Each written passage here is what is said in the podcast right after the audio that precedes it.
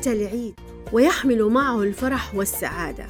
ها قد أتى العيد الذي يشعرنا بأن الحياة جميلة بكل ما فيها. ها قد أتى العيد ونحن نرسم في مخيلتنا ما نريد من هذه الحياة. ها قد أتى العيد ويكون هناك فرصة جديدة للضحك والمرح ونسيان جميع الأحزان والهموم. ها قد أتى العيد ويحمل معه أجمل الذكريات التي لا تنسى أبدا. ها قد أتى العيد ونحن بخير وسعادة.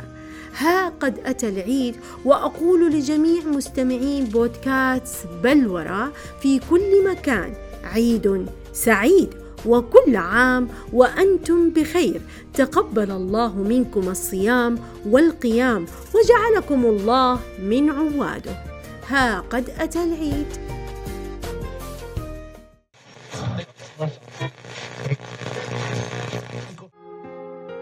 هل الأمل هو الحياة؟ أم الحياة هي الأمل؟ ولماذا يقال أن الأمل والحياة وجهان لعملة واحدة لا ينفصلان عن بعضهما البعض؟ لو تأملنا حياتنا لوجدنا أننا نحيا على الأمل ونشعر أن الساعة القادمة ستحمل معها بشرى تسعد قلوبنا وأن الغد سيحمل معه أطنان من الفرح والسعادة. نحيا على الأمل بأننا سنكون أفضل وأحسن من السابق وأن القادم سيكون أجمل وهذا ما يجعلنا نعيش في هذه الحياة.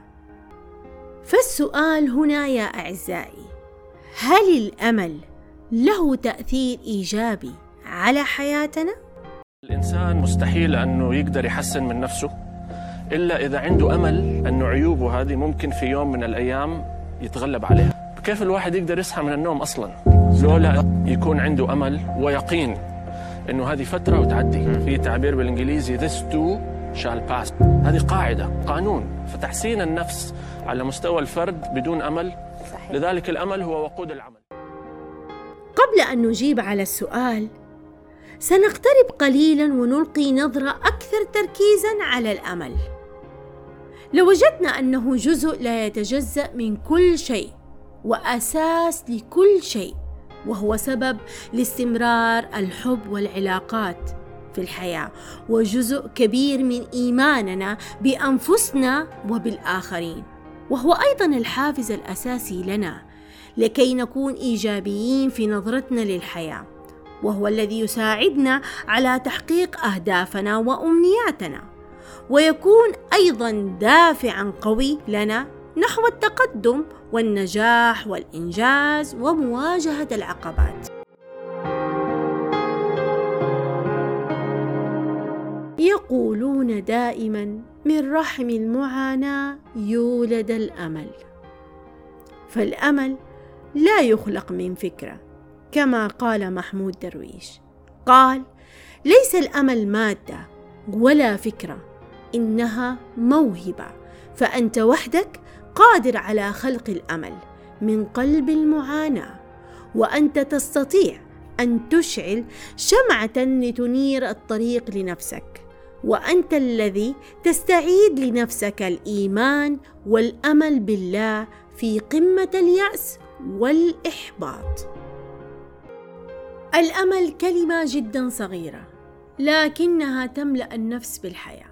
هي سر الحياة وروحها والحياة بلا أمل تصبح شبه مستحيلة.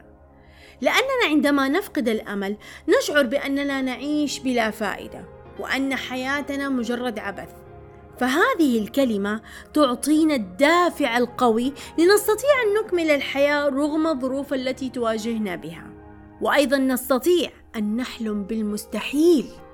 ونسعى إلى تحقيق هذا المستحيل بكل ما أوتينا من قوة.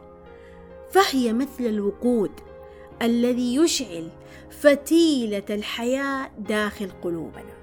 وتجعلنا نعيش بحماس. كيف نستطيع أن نعرف أن الأمل موجود بداخلنا؟ وكيف نصل إليه؟ إذا لابد أن نخوض رحلة إلى أعماق أنفسنا لمعرفة هويتنا واكتشاف مهاراتنا ونعرف ماذا نريد بالضبط من هذه الحياة كي نستطيع أن نعرف أنه يوجد أمل بداخلنا. ولكي نستطيع أن نعرف ذلك يتطلب علينا الانتقال من مرحلة التفكير والترقب إلى مرحلة العمل الفعلي وتحقيق الأهداف. وهذه من أبسط الطرق التي تساعد في معرفة ذلك. فاختيار الهدف ينبع من رغباتنا وطموحاتنا ويكون هذا الهدف ملموسا وليس غامضا وقابل للتحقيق هناك دراسة أمريكية أجراها عدد من الباحثين في مستشفى مونتن في نيويورك تقول هذه الدراسة أن هناك علاقة بين الأمل وصحة القلب لأنهم اكتشفوا أن الأشخاص الذين يتحلون بالأمل كانوا أقل عرضة من غيرهم بإصابة بأمراض القلب المختلفة أما الأشخاص المصابين بفقدان الأمل والنظرة التشاؤمية للحياة تزيد احتمالية إصابتهم بأمراض القلب والوفاة المبكرة. وأكبر مفسد لمتعة الحياة أن أن تحرق ساعات يومك خوفا من المستقبل وحزنا على الماضي. المستمتعين اعلم أنهم يجلسون على سواحل الحياة ينظرون لبحر الحياة على أنه جميل. الله. وذاك لا ينظر أن نوبة وموجة قادمة ستغرقه. المستمتع ظروفه نفس ظروف الذي لم يستمتع. إلا أنه يفهم الحياة صح. فلنتخيل أننا أصبنا بحالة من اليأس. في هذه الحالة سنفقد الإرادة شيئا فشيئا وهذا الأمر يجعلنا نفقد هويتنا دون أن نشعر بها. وتدريجيا نتحول إلى كائنات جامدة لا تريد أن تفعل شيئا في حياتها. لأننا في حالة لا نؤمن بأنفسنا أو بثقتنا والأمل معدوم بداخلنا وفي الحياة بأكملها. وأننا مهما وصلنا لا نستطيع أن نصل إلى أهدافنا ولن نحقق ما نريد. وهذا الأمر لا يؤثر علينا فقط بل سيؤثر على الدائرة المحيطة بنا وأيضا على المجتمع بأكمله. الأمل حالة نصل إليها عندما ننجح في رفع ستار الجهل. لأن بالمعرفة والحقيقة نستطيع أن نتحلى بالأمل ونستطيع أن نصل لشعور الرضا والسعادة.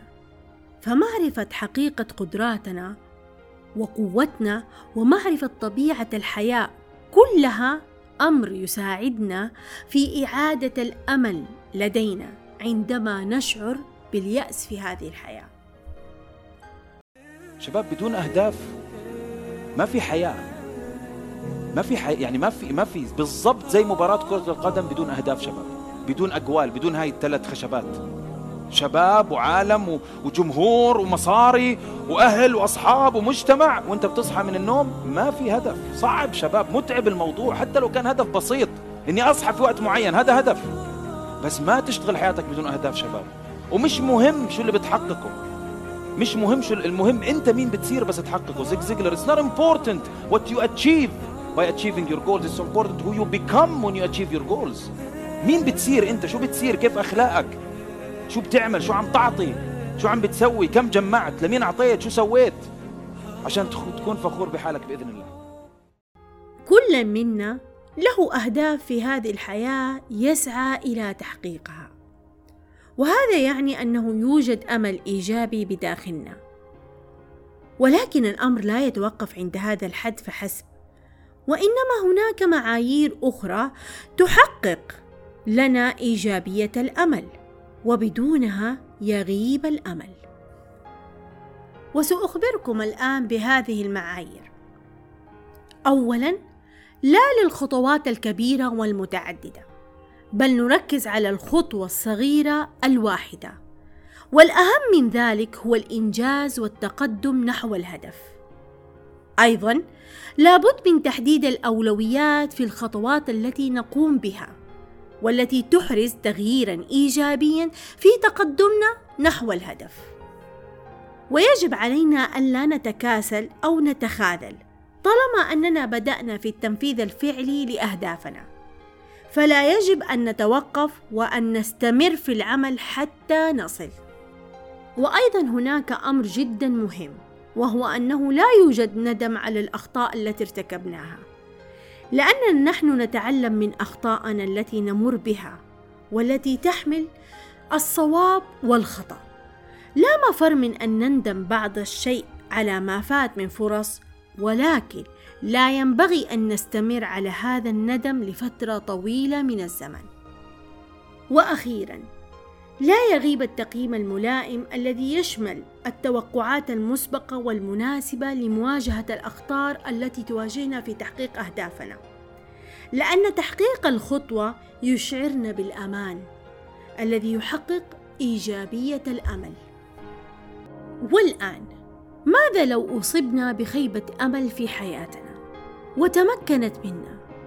أظننا سنحتاج إلى وقت كبير للشفاء منها وأيضا يكون لها تأثير كبير على حياتنا ولن نستطيع أن نتخلص منها بسهولة لأن فقدان الأمل يصيبنا بحالة سلبية تجعلنا ننظر إلى الحياة بنظرة تشاؤمية اتجاه كل ما هو جميل بهذه الحياة وهذا يجعل داخلنا هش لا نقوى على الوقوف والاستمرار في الحياة. إذا نقول أن خيبة الأمل السلاح الوحيد الذي يتسبب بقتلنا ونحن على قيد الحياة. حياة مليئة بخيبات الأمل. الخيبة ما بتقتلك يمكن بتجرحك. ولكن اللي لازم تعمله أنت في حالة الخيبة تحمل جرحك شو ما كان يكون وتركض به مرة أخرى باتجاه الحياة. لأن الحياة لا تنصف الضعفاء. والسؤال الذي يتردد على أذهاننا الآن كيف يمكننا استعادة الأمل المفقود من حياتنا؟ وكيف يمكن أن ننفض غبار اليأس والإحباط عن قلوبنا؟ ونستطيع أن نحيي قلوبنا بالأمل حتى تزهر أنفسنا مرة أخرى. ونستطيع أن ننظر إلى الحياة بنظرة إيجابية. كيف يمكن ذلك؟ فلنفكر. كيف يمكن ذلك؟ سيكون ذلك بأن نخطو الخطوة الأولى في التغلب على شعور اليأس واستعادة ذلك الأمل الغائب عن قلوبنا. ويكون ذلك في الثقة والإيمان بالله وأن كل ما يحدث لنا هو تخطيط إلهي. وأن نظرة الإنسان مهما وصل من العلم والمعرفة ستظل محدودة جدا أمام النظره الإلهية. أما عن الخطوة الثانية تتمثل في ثقتنا بأنفسنا وبقدراتنا لأنه لا يوجد أمر في هذه الحياة يستمر إلى الأبد كما هو. لا بد في يوم من الأيام أن يتغير. فبوجود القليل من الثقة بالنفس والسعي والإرادة نتمكن من خلق الأمل من قلب اليأس. وأيضا يجب أن نثق بأن الاستسلام لليأس والاستمرار في عدم المحاولة سيخلق مزيدا من التعب والفشل والإحباط. ومن هنا نأتي إلى الخطوة الثالثة والأخيرة. وهي التي تكون في التخلص من جميع المسببات التي تسبب الإحباط واليأس. فلا نجلس مع القانتين المحبطين لأن عقولنا ناتج لأفكارنا التي نزرعها. فإذا زرعنا تفاؤل سنحصد أمل. وإذا زرعنا يأس سنحصد خيبة أمل. وهنا سيكون القرار لنا. نحن وليس أحدا غيرنا. والآن مستمعين بلورة في كل مكان. لقد وصلنا إلى نهاية حلقتنا. فلو أعجبتكم الحلقة لا تنسوا أن تقيمونا على المنصة التي تستمعون منها. وأيضا بإمكانكم أن تتركوا تعليقاتكم وردودكم الجميلة والرائعة في أبل بودكاست. وأخيرا مستمعينا الكرام يسعدني مشاركتكم الحلقة مع أصدقائكم وأحبابكم الذين يكونون مهتمين بمحتوى بودكاست بلورة الذي يهتم بتطوير وتنمية الذات. إلى اللقاء في حلقة جديدة من حلقات بودكاست بلورة. كان معكم المدربة رانيا سابق. مع السلامة.